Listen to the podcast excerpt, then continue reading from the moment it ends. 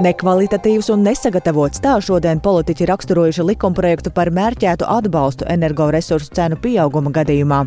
Saimā šo dokumentu tagad steidz labot un plašāk par to jau tūdaļ raidījumā pēcpusdiena. Šoruden pirmo reizi tiek piedāvātas īpaši senioriem un bērniem piemērotas valsts apmaksātas vakcīnas pret gripu. Cik liela par tām interese un vai šogad prognozē plašu gripas izplatību? To skaidrosim ar imunizācijas valsts padomas vadītāju Dāci Zavacku.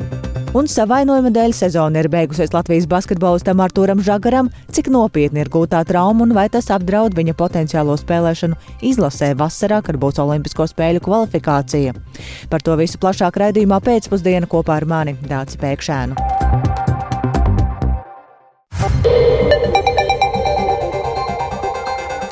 Ir 16,5 minūtes skanējums sāk ziņu raidījums pēcpusdiena, plašāk skaidrojot šodien, 19. oktobrī, būtisko studijā Dāca Pēkšēna. Esiet sveicināti! Nekvalitatīvs un nesagatavots. Tik asi nu jau bijušie ministri kritizē vēl iepriekšējās valdības virzīto likumprojektu, kas paredzēja mērķētu atbalstu energoresursu cenu straujumu pieauguma gadījumā. Saimā to steidz uzlabot, taču kritikai ir arī pamats, jo sistēma mērķēta atbalsta noteikšanai vēl nav sagatavota. Kad tādu var gaidīt, atbildes vēl nav. Vienlaikus gan arī izskana cerība, ka šoziem nav gaidāms būtisks energoresursu cenu kāpums, tādēļ šo atbalsta programmu vēl nevajadzētu. Par saimā pārspriesto vairāk stāstīs kolēģis Jānis Kīncis, kurš šobrīd eh, pievienojas studijās. Sveiks, Jāni, un atgādina, ko tad paredz šī atbalsta sistēma un eh, kas ir tie klupšanas akmeņi šajā gadījumā. Sveicināti!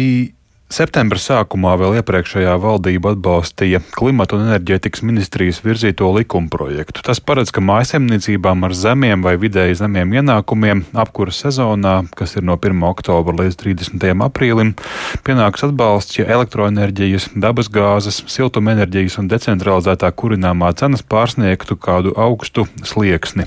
Šo slieksni, tāpat kā atbalsta sistēmas iedarbināšanu, noteiks ministru kabinets. To paredz šī ministrijas virzītā ideja.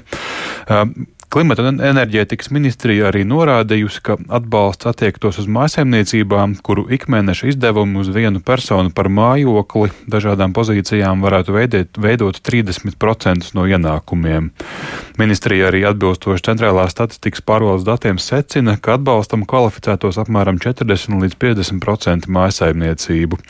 Tā ir atšķirība no iepriekšējā gada, kad um, strauja un neparedzējama energoresursu cenu pieauguma dēļ palīdzību sniedz visiem energoresursu lietotājiem. To saimā debatēs uzsvēra saimnes tautsainiecības komisijas deputāts apvienotā saraksta pārstāvis Andris Kolbergs. Mēs eh, iepriekš eh, pieredzējām to, ka helikoptera nauda tiek dāļāta daudziem, kam tā nebija nepieciešama. Rezultātā šis beidzot ir patiešām labs risinājums. Atbalsts tiek automatizēts. Tad šobrīd šī sistēma paredz, ka tiek apkopota informācija, teiksim, eh, dažādi datu avoti, vienopus un automatizēti tiktu piešķirta atbalsts bez pieteikšanās. Un te ir viens lielais bet, Kulberga pieminētās automatizētās sistēmas, kurā apzināta informācija no dažādām esošām datu bāzēm pašlaik vēl nav. Un kad tā būs izmantojama, arī šobrīd vēl nav zināms. Un uz to saimā debatēs nekavējās norādīt deputāts Māris Sprindžuks no apvienotā saraksta. Viņš atgādināja par vides aizsardzības un reģionālās attīstības ministrijas gatavoto atvieglojumu vienotās informācijas sistēmu, kurā ātri var un ērti uzzināt par pieejamiem atvieglojumiem. Šī projekta ieviešana izmaksu dēļ kavējoties, Rīgai atsakoties no tās izmantošanas. Taču, jo ātrāk iedarbinās šo sistēmu, jo ātrāk varēs sniegt mērķētu sociālo atbalstu, kas šobrīd šī sistēma ir sadrumstalot, uzsvēra bijušais ministrs. Un arī Nacionālās apvienības deputāti vēl nesen ekonomikas ministrija Ilza Indriksona un iepriekšējais satiksmes ministrs Jānis Vitsenbergs plānam par atbalsta sistēmu veltīs skarbus vārdus. Tas esot nekvalitatīvs, nesagatavots, brīžiem pat skaidri neizprotot, kāda ir šī likumprojekta jēga un būtība, tā teica deputāte Indriksona. Iepriekš gan vēl kā ministri viņa tik skarbu kritiku neveltīja. Nav precīzi definēti nesliekšņi, pie kādiem ienākumiem mājsaimniecība saņems šo atbalstu, un vēl sliktāk ir ar to, kurā brīdī šis atbalsts sāks darboties un kad ieslēgs šo sistēmu un sāks darbināt. Ko summēs kopā, kas būs tās izmaksas, kuras ņems vērā? Kā piemēram īre, apsaimniekošana, komunālie maksājumi, apkūra atkritumi, ūdens un tā tālāk, bet netiks ņemts vērā tie maksājumi, kur liela daļa mūsu sabiedrības maksā bankām. Par to, ka viņas ir iegādājušies mājokļus ar banku starpniecību, gan procentu likums, viss ir augšā. Par to jau ir bijušas diskusijas šeit no tribīnas. Tas netiks ņemts vērā. Šo debašu rezultātā tad iezīmējas kādas arī konkrētas norādes uz praktiskām lietām, ar, lietām, ar ko šo atbalsta regulējumu vēl papildinās. Likumprojektu galīgajā lasījumā tātad vēl papildinās arī ar šo Vitsenberga minēto mājokļa kredītu maksājumu faktoru. Un šo darbu ar likumprojektu vēl turpinās Saimnes tautsainiecības komisija tātad pirms trešā galīgā lasījuma. Paldies Jānim Kīncim, tas tātad par apkuras cenām, bet tā nav vienīgā joma, kur maciņu var nākties atvērt plašāk. Visticamāk, apsaimniekošanas pakalpojumi nākamajā gadā Rīgā tomēr būs dārgāki, neskatoties uz domas deputātu lūgumu šo maksu nepalielināt. Lielai daļai rīdzinieku tas nozīmēs ikmēneša komunālo rēķinu pieaugumu vismaz par vairākiem eiro. Apsaimniekotājs skaidro, ka maksa jāpaukstina, jo esot jāuzlabo pakalpojumu kvalitāte, un šajā situācijā šodien vairāk iedziļinājās Paula Dēvica. Rīgas namu pārvaldnieks jau ziņojis par pakalpojumu sadārdzināšanos no nākamā gada. Uzņēmums apsaimnieko pusi no Rīgas dzīvojamajām ēkām un sadārdzinājumu pamato ar nepieciešamību celt pakalpojuma kvalitāti un arī atalgojumu vairākām darbinieku grupām, piemēram, inženieriem, sētniekiem un namu pārziņiem. Plānots, ka apsaimniekošanas maksa pieaugs vidēji no 8 līdz 21 centam par kvadrātmetru, un tas skars aptuveni 150 tūkstoši tūkstošus klientu. Proti, 50 km2 lielam dzīvoklim apsaimniekošanas maksa varētu pieaugt vidēji no 4 līdz 10 eiro. Šis lēmums iepriekš pārsteidza Rīgas domas deputātus, kuri lūdza RNP skaidrot cenu celšanu. Turpina Rīgas domas mājokļu un vides komitejas priekšsēdētāja vietnieks Edgars Ikstens no vienotības. Vienu katru dienu saņemam tās sūdzības, tos viedokļus, tā skaitā no jūsu klientiem par to, ka kaut kas netiek izdarīts, un tas to darbu spilīt tajā medus mucā pielīm. Līdz ar to tas mans aicinājums ir neskriet uz priekšu šiem tarifiem, varbūt tās, ka sagaidām kaut kādus jau zināmus un redzamus rezultātus. Tiesa, ka par Rīgas namu pārvaldnieka pakalpojumiem tiek saņemtas nemazums sūdzību. Šogad to skaits ir īpaši pieaudzis. Pērn laika periodā no janvāra līdz septembrim RNP saņēma 20 līdz 79 sūdzības mēnesī, bet šogad 86 līdz 131 sūdzību mēnesī. Visbiežāk iedzīvotāji sūdzas par tehniskajiem un apsaimniekošanas darbiem. Uzņēmumā gan pieaugumu skaidro ar vairāk iespējām ziņot. Turklāt tieši darbu kvalitātes uzlabošanai nepieciešams paaugstināt cenas, tā skaidro uzņēmumā, tostarp arī uzņēmuma digitalizācijai. Turpina deputāta Inna Ģeri no Latvijas Krievu Savienības. Vai viss tas ir darāms obligāti uzreiz un obligāti par klientu naudu, vai to var atlikt? Rīgas nama pārvaldniekā gan skaidro, ka situācija ir skaudra. Pakalpojuma kvalitātei sprunguļus riteņos liek darbinieku trūkums. Pašlaik uzņēmumā trūkst 143 darbinieku. Visvairāk sētnieku, arī būvstrādnieku, sanitāru tehniķu, jumiķu un citu. Vairāk stāsta RNP valdes priekšsādātājs Māris Ozoliņš. Vēl kopš eh, jau iepriekšējā gadā skaidroju, mēs, mēs šī pašreizējā valde nebija tad, bet uh, bija cita valde, bet jebkurā gadījumā iepriekšējā gadā jau tika identificēts, ka mūsu atalgojuma līmenis ir nepiedodams zems salīdzinājumā tirgus vidējo, līdz ar to mēs nevaram dabūt kvalificētus darbiniekus, darbinieki nav motivēti. Tāpat laikā, kā mēs zinām, tad notika ļoti strauja inflācija un sakarā ar karu arī bija stiprs pieaugums gan energoresursu cenām, gan arī, protams, būvmateriālu cenām. Bet šis energoresursu cenu pieaugums, tiešām veidā ietekmē mūsu iedzīvotāju citu pa kabātu, citu pa kabātu ļoti nopietni tajā laikā. Rīgas domē šodien uzdeva apsaimniekošanas uzņēmumam izvērtēt, vai ir iespējams pakalpojumu maksu nepaukstināt, vai vismaz darīt to pakāpeniski. RNP skaidro, ka tarifus jebkurā brīdī ir iespējams pārreķināt, ja tam ir pamatojums. Taču finansiālā situācija esot tik nokaitēta, ka sadārdzinājums visticamāk no nākamā gada būs. Paula Dēvica, Latvijas radio. Savukārt jautājumā par skolotāju algām pedagoģu arotbiedrībai un nozares ministrijai tā arī pie vienota risinājuma šodien neizdevās nonākt. Savos raidījumos šodien jau vēstījām, ka vairākās pašvaldībās ar valsts izmaksāto mērķu dotāciju šomēnes nepietiek tam, lai palielinātu pedagoģu atalgojumu un izlīdzinātu slodzes. Skaidrojot, kāpēc tā arotbiedrība šodien tikās ar ministrijas pārstāvjiem, taču iemeslus naudas trūkumam tā arī puses neguva.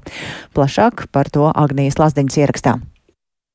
Atšķirībā no citām reizēm, šoreiz Latvijas izglītības un zinātnes darbinieku arotbiedrības un izglītības un zinātnes ministrijas sarunas ir atklātas. Tajās abas puses apmainījās ar pārmetumiem par to, vai pareizi aprēķinātas mērķu dotācijas. Arotbiedrības vadītāja Inga Vanaga uzsvēra, ka sanāksmes mērķis bijis saprast, vai visos līmeņos viss ir izdarīts un izskaidrots pareizi. Arī Latvijas pašvaldību savienības padomniece izglītības un kultūras jautājumos Ināra Dundura aicināja ministriju izvērtēt, vai viss ir izdarīts, nevis turpināt mētāt metāt bumbiņu no vienas uz otras puses. Tomēr es aicinu izglītības zinātnes ministriju detalizēti izskatīt šos te arotbiedrības analīzi, kur ir kādi normatīvie akti, kuri neatbilst. Mēs zinām, ka mums ir problemātika, mums ir kļūdas 376. Mums ir kļūdas formulās. Un vienkārši izlikties un pateikt, ka viņu nav, tas nav godīgi. Kā galvenos iemeslus, kāpēc solītā algas pielikuma vietā dažiem pedagogiem alga pat sarukusi, min skolēnu skaita vai darba slodzes samazinājumu. Vairākām pašvaldībām nesot pieticis ar valsts mēru dotāciju, tā uzsver arotbiedrības vadītāja Inga Vanaga. Viņa skaidro, ka problēma esot aprēķinu metodikā, kas jau sākotnēji izstrādāta uz nekorektiem datiem, un lai gan šobrīd izstrādātas jaunas formulas, tomēr iepriekšējās metodikas nav pielāgotas. Visas iesaistītās puses atzīst, ka zilons ir tomēr te trauku veikalā un ka problēmas ir. Un problēmas ir gan izglītības iestāžu, gan pašvaldības, gan nacionālā līmenī ar šiem visiem meditācijas jautājumiem, ar uh, tiesību aktu arī piemērošanu, ja, un ar naudas sadalījumu. Arotbiedrības dati liecina, ka daļai skolotāja algas samazinājušies par dažiem desmitiem eiro līdz pat 200 eiro. Pedagogus, kuru algas ir starukušas, Vanaga aicina nesamierināties un vērsties pie iestādes vadības valdības, pašvaldības vai pat arotbiedrības vai valsts darba inspekcijas. Izglītības un zinātnes ministrija apliecināja, ka izprot arotbiedrības bažas par mēru dotācijas aprēķinu korektumu, tāpēc šobrīd notiekot darbs pie programmas finansējuma modeļa izstrādes, kam būšot caurskatāmāka finansējuma piešķiršanas kārtība. Turpina izglītības un zinātnes ministrijas parlamentārā sekretāra Silvija Reinberga no jaunās vienotības. Mēs šobrīd runājam par diviem procentiem,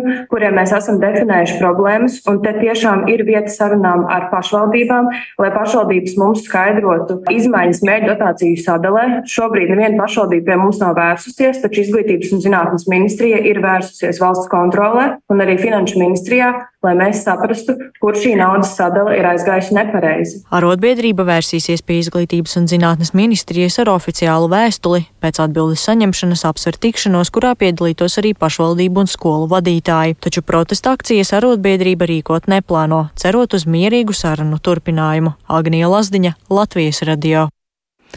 Tik tālu par mums pašmājās tik būtisko skolotāju algu jautājumu, bet pasaules uzmanība šobrīd ir vērsta karsto punktu virzienā. Eiropas parlaments šodien atbalstīja rezolūciju, kurā nosoda teroristiskā grupējuma Hamas uzbrukumu Izrēlai. Deputāti uzskata, ka Izrēlai ir tiesības uz pašaizstāvību, bet tai būtu jānotiek ievērojot starptautiskos humanitāros noteikumus. Līdz ar to Eiropas parlaments mudina uz humanitāro pārtraukumu, lai palīdzētu civiliedzīvotājiem. Līdztekus tam arī izskan bažas, ka konflikts tuvajos austrumos var novērst pasaules uzmanību no Ukrainā notiekošā, un tas savukārt nāktu par labu Krievijai. Un um, šajā kontekstā kļūst arī aktuāls jautājums par to, kādai ir jābūt Eiropas stratēģijai attiecībās ar Krieviju. Un uz to mēģina atbildēt grupa Eiroparlamentāriešu, ar daļu no kuriem Strasbūrā ir aprunājies mūsu korespondents korespondents Arčoms Konohaus, un viņš tagad ir pievienojies mums tiešraidē. Sveiks, Arčom, un saki, kādēļ tieši šobrīd top ziņojums par um, turpmākajām attiecībām ar Krieviju? Labdien, Dārts, labdien, klausītāji! Jautājums šobrīd kļūst aktuāls, tāpēc, ka Eiropai, vismaz pēc eh, deputāta domām, kuri raksta šo ziņojumu, ir jau laicīgi jāsaprot, kādas attiecības tā vēlas ar demokrātisku Krieviju, ar cerams demokrātisku Krieviju pēc Ukrainas uzvaras.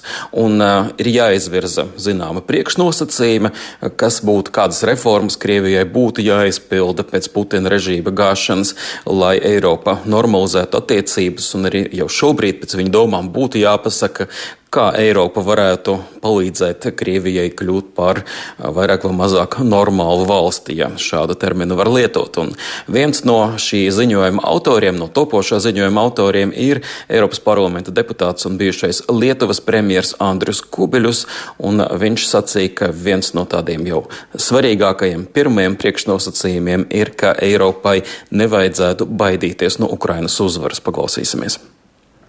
Because what we are afraid that in some capitals there is fear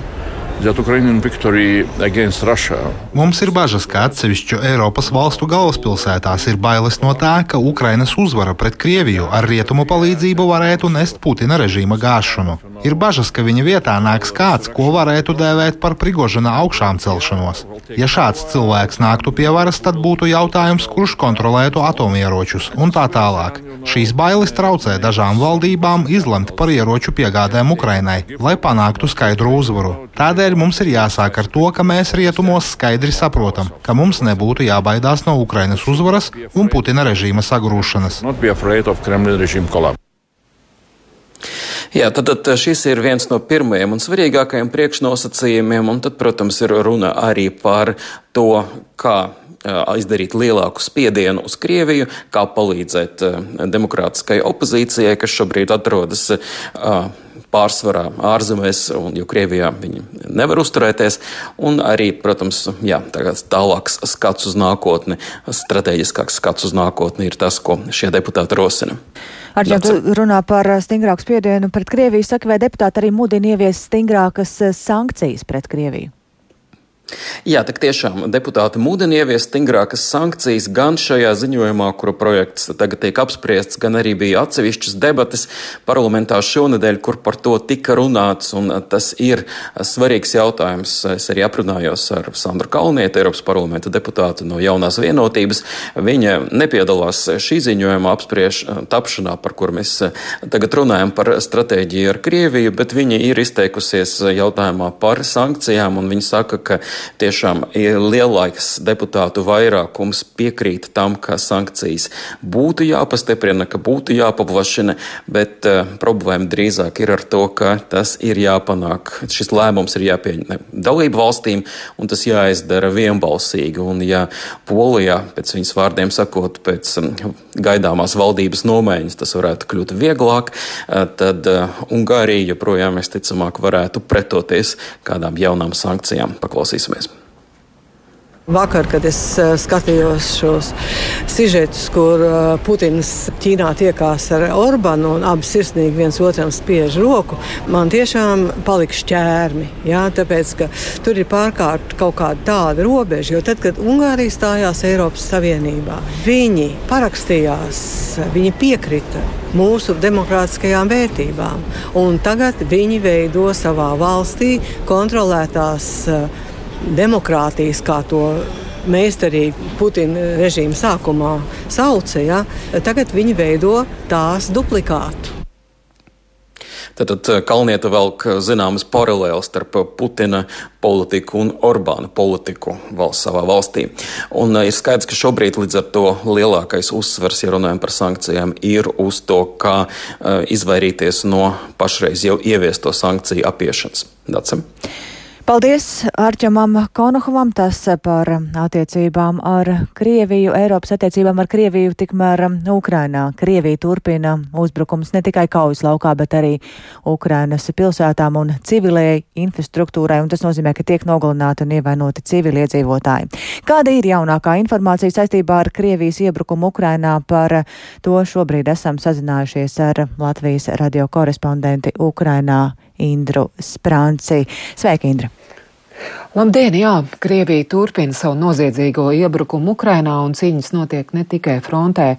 Krievija turpina apšaudīt Ukrainas pilsētas un civilo infrastruktūru, kā rezultātā iet bojā vai tiek ievienot mierīgi iedzīvotāji. Un, un tā šorīt uh, apšaudē pa Hersonu tika ievainoti trīs cilvēki. Šauds tika no Ņipras kreisā krasta, kas atrodas okupācijas karaspēku kontrolē un tēmēts pa Hersonas pilsētas centru un kuģu salu, kur ir ļoti daudz daudz dzīvojamās mājas. Hersona nemitīgi tiek apšaudīta teju katru dienu, un pienāk ziņas gan par cietušajiem un bojā gājušajiem šajā pilsētā. Kopumā tur joprojām dzīvo aptuveni 70 tūkstoši cilvēku, kas neskatoties uz šiem ļoti smagajiem apstākļiem, nu, atsakās braukt prom. Vietvara turpina iedzīvotāju evakuāciju, un šodien arī tika ziņots par 43 apkaimes bērnu izvešanu, bet ne visi piekrīt izbraukšanai, un daudz paliek gan Hersonā, gan arī tās apkaimē. Un, kā ziņo Ukrainas bruņotie spēki, kopumā no vakar vakar līdz šodienas rītam Krievija uz mērķiem Donetskas, Mikolājevas, Sumu, Ņipropetrovskas un Zaparižas apgabalos raidījis kopumā 17 lādiņus, tajā skaitā 5 balistiskās raķetes Iskander, vienu C-300 raķeti, 9 bezpilota lidaparātus Šahed un vēl arī citas lādiņas. No tie visiem četri tika notriekti. Un uh, Ukraiņas bruņotie spēki turpina arī cīņu, lai atbrīvotu Ukrainu no iebrucēja, un uh, bruņotie spēki šobrīd Krievijas karaspēkam neļauj virzīties uz priekšu frontes austrumu un dienvidu virzienos, savukārt Melitopols un uh, Bahmuts virzienā Ukraiņu uztur ofensīvu, soli pa solim mēģina doties uz priekšu, atbrīvojot īslaicīgi okupētās teritorijas, un ar nelieliem panākumiem tas izdodas. Un uh, vakar vakarā arī Ukrainas armija apstiprināja, ka Ukraiņu karavīri veids aktivitātes arī Ņipras kreisajā krastā, netālu no Helsonas, un uh, par to, ka tur notiek uh, kaujas liecināja arī Krievijas karaspēku uz, uzlidojumi, it kā par pašu Krievu pagaidām vēl okupētajām teritorijām pie Pešķānovkas ciema. Saki, jā, vai tas nozīmē, ka Ukro, Ukrainas bruņotajiem spēkiem varētu būt izdevies izlausties cauri Krievijas aizsardzības līnijām Hersons apkaimē? Nē, pagaidām par to ir tiešām pāragri runāt. ASV bāzētais kara pētījuma institūts norāda, ka šobrīd vēl nevar runāt par to, ka tur būtu izveidots Ukraiņu militārais plātsdārms, kas varētu nodrošināt kādas atbalsta funkcijas, piemēram, kas būtu vajadzīgs turpmākajam iebrukumam, tātad tā atkarošanai teritoriju un iebrukumam šajās okupētajās teritorijās. Vakar iegūtie geogrāfiskie dati liecinot, ka Ukraiņas spēkiem atsevišķām vienībām bija izdevies šķērs šķērsot upi un virzīties uz ziemeļiem no Pišķānivkas uz Poimas pusi, un šajā apkaimē tad arī notika spēcīgi Krievijas armijas aviācijas uzbrukumi. Kāda situācija tur ir šobrīd nav zināms, bet nu jau vairākas dienas Par šajā apkaimē notiekošajām cīņām runā arī Krievijas pusē. Viņi ir nobažījušies par Ukraiņu aktivitātēm šajā reģionā. Šādu informāciju ir apkopojis Kara pētījuma institūts, taču no Krievu puses ieraksti skaidrību par um, operācijas sekmēm nevieš. Viena raksta, ka Ukraiņi ir atspiesti atpakaļ līdz upei, citi, ka Ukraiņiem pat uz brīdi izdevies ieņemt pojumu naktī uz 17. oktobri. Un te jāpiebilst, ka šī nav pirmā reize, kad Ukraiņas karavīriem izdodas pārcelties pāri upē un veikt atsevišķus uzdevumus šajā te Krievijas karaspēka ieņemtajā kreisajā krastā. Arī augustā par tādiem ziņojām, taču pagaidām tālāk uz priekšu izrauties Ukraiņiem šajā apkaimē nav izdevies. Un kaujas turpinās, un tās ir ļoti smagas. Tā pagājušā, pagājušās dienas laikā vien notikušas 80 sadursmes, un tur Krievijas puse izmanto visus iespējamos ieročus, un diemžēl šie uzbrukumi notiek arī par civilajiem objektiem. Un vakar vakarā arī kļūst zināms, ka ir pieaudzis Zaparīžas, Zaparīžā bojā gājušo nogalināto cilvēku skaits ēkā, kur trāpīja daudzstāvu dzīvojamajām mājām. Un uh, atgādināšu, ka vakar uz Zaparīžu, Zaparīža piedzīvoja sešus aviācijas uzbrukumus, un šajos uzbrukumos izpostīta ne tikai daudzstāvu dzīvojamā ēka pilsētas centrā, bet arī nodarīt postījumu arī divām baznīcām, sporta kompleksām un vairāk nekā 20 citām ēkām Zaparīžā. Vai šajā grūtajā un skaudrajā laikā mēs arī varam runāt nu, par kādām iepriecinošām ziņām? Nu jā, nu, priecīga ziņa vismaz par tādu šodien to var uzskatīt, ir tas, kā Vācija turpinās atbalstīt Ukraiņu ar ieroču piegādēm un jau gatavo Ukraiņiem ziemas sūtījumu ar militāro palīdzību. Tā Vācijas kanclers Olafs Šolts izteicies savā uzrunā Bundestagam. Šolts atzīmēja, ka jaunajā palīdzības sūtījumā būs viss, kas nepieciešams pretgaisa aizsardzībai. Un uh, pretgaisa aizsardzības stiprināšana kā prioritāte šobrīd ir atzīmējis arī Ukraiņas prezidents Volodimirs Zelenskis. Viņam šonadēļ Kīvā bija tikšanās arī ar ASV pārstāvi Ukrainas atjaunošanas jautājumos, un tieši Ukrainas enerģētiskās sistēmas aizsardzība ziemā bija viens no tādiem ļoti būtiskiem sarunu tematiem. Kā paudz Zelenskis, tiek darīts maksimālais, lai Ukrainas karavīri saņemtu vairāk pretgaisa aizsardzības ieročus, un tas ļautu saglabāt dzīvību pilsētās apstākļos, kad tiek sagaidīts, ka Krievija atkal mēģinās uzbrukt civilējai un enerģētikas infrastruktūrai, cenšoties atstāt miljoniem cilvēku bez apkurs, elektrības un ūdens. Nu, kā tas bija redzams diezgan bieži pagājušā ziemā. Paldies Indrai Sprāncei par ziņām no Ukrainas. Savukārt pie mums konceptuālu un vienbalsīgu atbalstu saimā šodien ir guvusi valsts prezidenta Edgara Rinkēviča iniciatīva, kas paredz bargākus sodus par noziegumiem pret valsti. Plānots palielināt minimālos sodus, šādos gadījumos arī atteikties no brīvības atņemšanai alternatīviem sodiem un arī palielināt maksimālo brīvības atņemšanas sodu. Jautājums par Latvijas nacionālo drošību ir aktualizējies līdz ar Krievijas izvērsto karu Ukrainā un prezidenta skatījumā šī brīža sodi ir nepietiekami. Un tagad iecer ir sākus tālāku virzību saimām, un, lai tā stātos spēkā, likuma grozījumi ir jāskata vēl divos lasījumos. Un vēl arī par nacionālo drošību runājot, ministra prezidenta Evika Silija šodien TV3 norādījusi, ka ar vien pieaugošie mēģinājumi ar dažādām metodēm destabilizēt drošības situāciju valstī tiesību sargājošām iestādēm tuvākajā nākotnē būšot liels izaicinājums. Bet par citiem notikumiem vairāk nekā 19 tūkstoši riska grupu cilvēku jau ir izmantojuši iespēju vakcinēties pret covid vai gripu. Visaktīvākie ir bijuši cilvēki vecumā virs 65 gadiem un um, ar hroniskām kaitēm. Turklāt šoruden pirmo reizi tiek piedāvātas īpaši senioriem un bērniem piemērotas valsts apmaksātas vakcīnas pret gripu. Un kad tad ir īstais laiks vakcinēties, cik plašu šo slimību izplatību šogad prognozē, to vaicāsim Rīgas Stradiņa universitātes profesorai, bērnu slimnīcas ģimenes vakcinācijas centra vadītājai un imunizācijas valsts padomes priekšsēdētājai Dācei Zabātskai. Labdien! Labdien! Nu, rudens noteikti nes līdzi dažādas elpceļu saslimšanas, bet, ja runājam par covid un gripu, kāda šobrīd ir izplatība?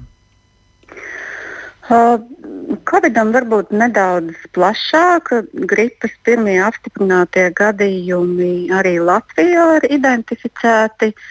Uh, citās Eiropas valstīs varbūt nedaudz vairāk, bet nu, ņemot vērā to, ka mēs daudz ceļojam paši un pie mums uh, vietojās, uh, Citās pilsoņi, kā, nu, mēs būsim tādā līdzīgā situācijā. Un, nu, laikam īsti oktobrī gripu mēs negaidītu. Pagājuši, kad viņi sākās daudz ātrāk nekā mēs plānojām. Jau decembrī visas slimnīcas bija pārpildītas. Nu, cerēsim, ka šogad tā nebūs. Bet prognozēt, kā tas būs un kad tas būs, mēs nevaram. Nekas neliecina, ka būs vieglāk nekā pagājušajā sezonā. Uh, dienvidu puslodes pieredze atkal rāda, kad, kad bija daudz saslimšanas gadījumu, daudz stacionēti arī bērni. Tā skaitā līdzīgi kā, kā pagājušajā sezonā. Ar Covid, manuprāt, ta, tie viļņi Eiropā vispār iet tādos divos, trīs mēnešos, vilnis ir augšā, un tad viņš atkal samazinās un variants bišķiņi pamainās. Bet noteikti um, ir mazāk stacionētu gadījumu, uh, mazāk intensīvā terapijā un, un, un tādas lielas bažas par uh, milzīgu veselības kaitējumu vai veselības aprūpas pārslodzi Covid dēļ, es domāju, ka mums uh, šogad nevajadzētu būt. Jā, jūs sakāt, ka ir grūti prognozēt um, tādu gripas uzliesmojumu, un tomēr nu, kaut kādi pieņēmumi jums droši vien ir, kad tas šogad varētu būt un cik ilgs tas varētu būt. Nu, tradicionāli gripa sākās decembrī, pirmie tādi gadījumi, un, un pīķi sasniedz janvāra sākumā. Mēs bijām pieraduši, ka viņi ilgst līdz uh, aprīlim, varbūt kāds gadījums maijā.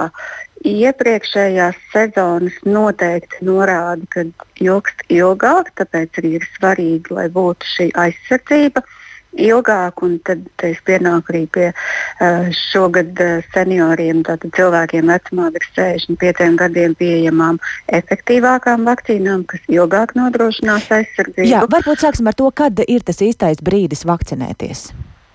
Nu, viņš tagad sākās. Uh, lai vai kāda arī būtu tas sākums, nedaudz ātrāk, vai kā parasti oktobra beigas, novembris ir tas īstais laiks, kad sākt vakcinēties pret gripu, lai mēs ar savu vakcīnas aizsardzību izturētu līdz uh, sezonas beigām. Jā, un tad es saprotu, Jā, ka šogad ir jaunas, jaunas vakcīnas, ar kurām tad arī uh, jūs piedāvāsiet vakcinēties. Riska grupām? Jā, es, Jā. es negribētu viņas nosaukt par jaunām, jo viņas gan Eiropā, gan citvietā pasaulē ir lietotas jau vairāk kā desmit gadus. Tas ir jaunums mums Latvijā, gan finansiāla apsvēruma dēļ, gan arī tāpēc, ka viņas ievestu Latvijā un ieliktu valsts programmā. Un, uh, šogad mums ir trīs pieejamas vakcīnas, standarta vakcīna, ko mēs esam iepriekšējos gadus lietojuši visām veselības riska grupām, kas ir vecumā no 8 gadiem līdz 64 gadiem. Bērniņiem līdz diviem gadiem ir valsts kalendārā, vienalga ir papildus kāda fona saslimšana vai nav. Visi bērniņi līdz diviem gadiem saņem standarta vakcīnu. Bērniņi no diviem līdz pilniem septiņiem gadiem šogad uh, varēs saņemt nazālo deguna spreja veidā uh, vakcīnu, kas ir draudzīgāka ievadē un ar augstāku efektivitāti. Diemžēl mēs nevaram finansiālu apsvērumu dēļ visiem bērniņiem līdz septiņiem gadiem nodrošināt. Tāpēc tie, kam ir kādas fona veselības problēmas, šo vakcīnu varēs saņemt bez maksas. Cerams, ka nākamajos gados mēs varēsim paplašināt šo grupu. Un, uh, cilvēkiem vecākiem par 65 gadiem būs augstākās uh, gripas vakcīna, imitējama vakcīna. Uh, līdzīgi kā ar standarta devēju, tikai augsta, augstāka deva, kas nodrošina senioriem piemērotāku imūno atbildi un arī pasargā, lai vai cik ilga būtu sezona. Tas nozīmē, ka ir lielāka aizsardzība šīm vakcīnām. Jā, noteikti tā mēs varam teikt. Mēs uh, savā valodā to saucam par augstāku efektivitāti. Uh, tā augstākā efektivitāte ir pierādījusies dažādās metaanalīzēs par vairāk kā desmit sezonām, ka lai vai kādi arī būtu gripas vīrusa uh, uzvedības, um, varbūt maiņa, viņš pats pamotē vai, vai pamainās mums tie vīrusi, tad augsta deva uh, aizsargā noteikti vienmēr labāk. Atgādināsim vēlreiz, kas tad ir tās, tie cilvēki, kuriem noteikti būtu jāvakcinējas. Tātad gan sava personīgā veselības stāvokļa dēļ, veselības aizsardzības, ja, tad mazi bērni līdz diviem gadiem obligāti, bērni slimo smagi, viņiem attīstās komplikācijas. Tātad, tādēļ visi bērniņi līdz diviem gadiem var saņemt šo valsts apmaksāto vakcīnu. Uh, Uh, lielāki bērni arī daudz slimo, ilgi slimo un attīstās kompā, uh, komplikācijas. Tādēļ būtu ieteicams visiem bērniem, nu, arī jaunākā skolas vecuma bērniem, saņemt uh, šīs vakcīnas. Nu, otra nākamā, kā otrs dzīves gals, sākot no 60, 65 gadiem. Uh, kad arī gripas epizodes dēļ būtiski paaugstinās pēc tam risks gan sekojošiem insultiem, demences pasliktināšanās, infarkta riski. Gripas vakcīna no tā ļoti labi pasargā. Un kurš ir tas pēdējais brīdis, kad vakcinēties vai gripas uzliesmojuma laikā arī to var darīt? Vai, vai Pilnīgi tā? noteikti, droši. Kā mēs sakam, mēs gatavojam kamanas vasarā un ratus ziemā, lai tad, kad nāktu pirmie vīrusi, mēs jau būtu aizsargāti.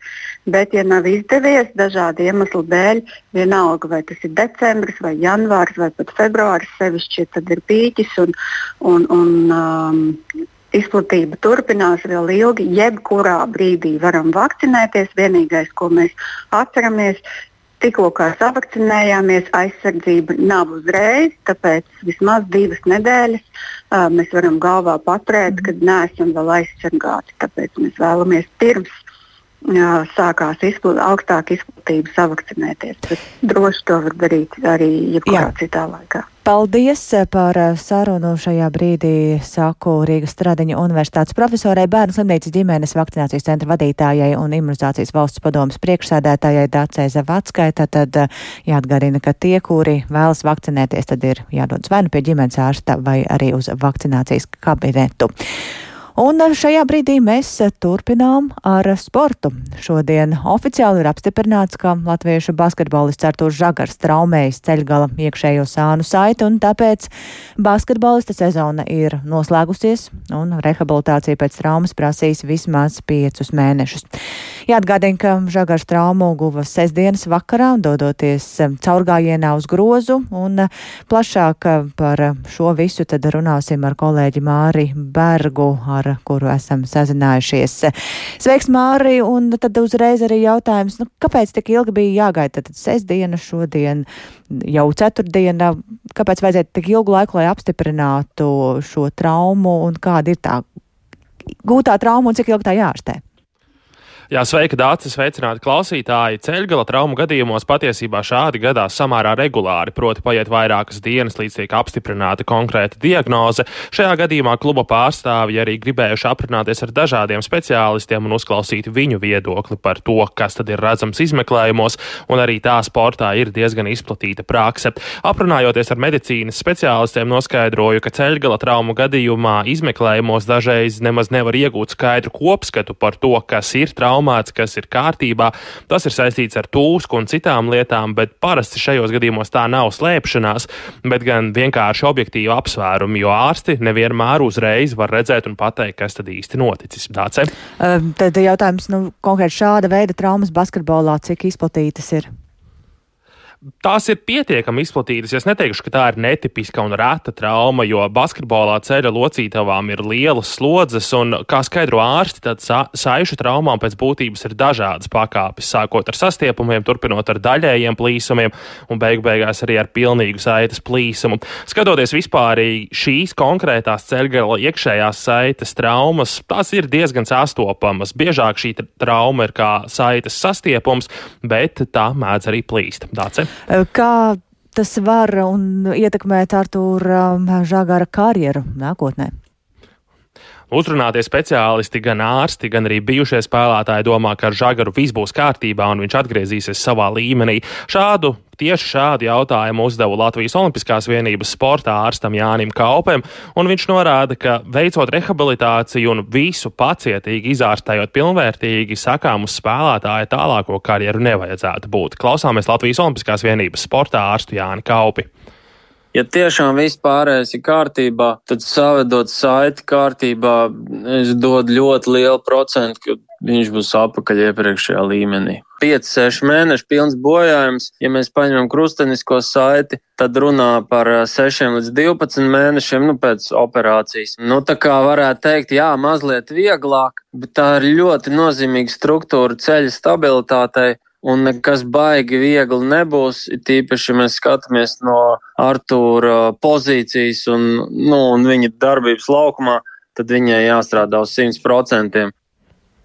Latvijas basketbolā patiesībā ir daudz piemēru, kad spēlētāji atgriežas pēc smagām ceļgala traumām. Tam pašam Dāvim Bārtānam krustiniskās saites plīsušas divreiz, un viņš tāds nebūtu nav vienīgais. Arī Rihards Lomašs šādu traumu savā karjerā piedzīvojis divreiz. Arī Kristaps Porziņģis ir sarāvis krustiniskās saites un ir atpakaļ savā līmenī. Un krustiniskās saites ir pati pati smagākā trauma, kas var būt ceļgalam. Tātad šīs sānu saites tas ir mazāk smagi, bet arī pietiekami nopietni. Protams, Protams, netrūks arī gadījumu, ka traumas tomēr beig beigās izbojā spēlētāju karjeru. Artūram tagad priekšā operācija un rehabilitācija Turcijā. Tur to visu uzraudzīs Stambulas Fenerbahče komanda, ar kuru viņš šoruden noslēdza trīs gadu līgumu. Un arī šis ir svarīgs apstākļus šajā visā, jo sportistiem ir pieejami visi labākie ārsti, apstākļi un viss cits, kas ir nepieciešams, lai veiktu pilnvērtīgu un kvalitatīvu rehabilitāciju. Trauma, kā jau teicu, tātad ir pietiekami smaga, bet varēja būt arī sliktāka sliktāk, un daudzi pēc video noskatīšanās tieši bažījās, ka varētu būt arī ceļgala krustiniskās saites. Tā kā jā, varēja būt arī sliktāk. Dace? Jā, tātad viņš ārstēsies Turcijā, bet nu, tas, ko mēs visi gaidām, ir Olimpiskā kvalifikācijas turnīrs um, jūlijā. Kā tas ietekmē Artur Žagaru iespējas spēlēt šajā turnīrā? Mēs varam cerēt uz viņu. Nu, tā gan būtu visīstākā spekulēšana no manas puses, jo šeit ir jāskatās, kā tiešām veiksies rehabilitācija un kā jutīsies pats spēlētājs, un arī Fenerbahča klubam droši vien būs šis tas sakāms šajā jautājumā. Lietuviešu klubs Viļņas Vulvs, kurā tātad Artūrs spēlēja sezonas sākumā, viņi cer, ka uz sezonas beigām Žagars varētu būt atpakaļ laukumā un spēlēt Lietuvā. Tas pie nosacījuma, ja rehabilitācija norit labi, viņš pats jūtas labi un celī nav traumāts nekas cits, tātad vai krusteniskās saites vai menisks vai, vai kādas citi, citas struktūras. Lietuvieši arī piesardzīgi norāda, ka pilnīgi un absolūti skaidrs viss būs tad, kad turku ķirurgi veiks operāciju un tiešām redzēs, kas notiek ar ceļgalu, jo izmeklējumos tomēr nevienmēr viss ir redzams. Tālūk Lietuviešu kluba pārstāvi. Paldies eh, Mārim Bērgām par eh, šo stāstu. Tātad varam novēlēt Arturam Žagaram ātru atlapšanu, bet eh, šobrīd ar to tad arī izskan raidījums pēcpusdiena, ko producēja Ilze Agīnta, ierakstus montēja Renāša Šteimanis par labskaņu rūpējās Katrīna Bramberga un ar jums sarunājās Dāca Pēkšēna. Vēl tikai jāatgādina, ka raidījums pēcpusdiena ir klausāms arī sevērtā laikā Latvijas radio mobilajā lietotnē. Yeah.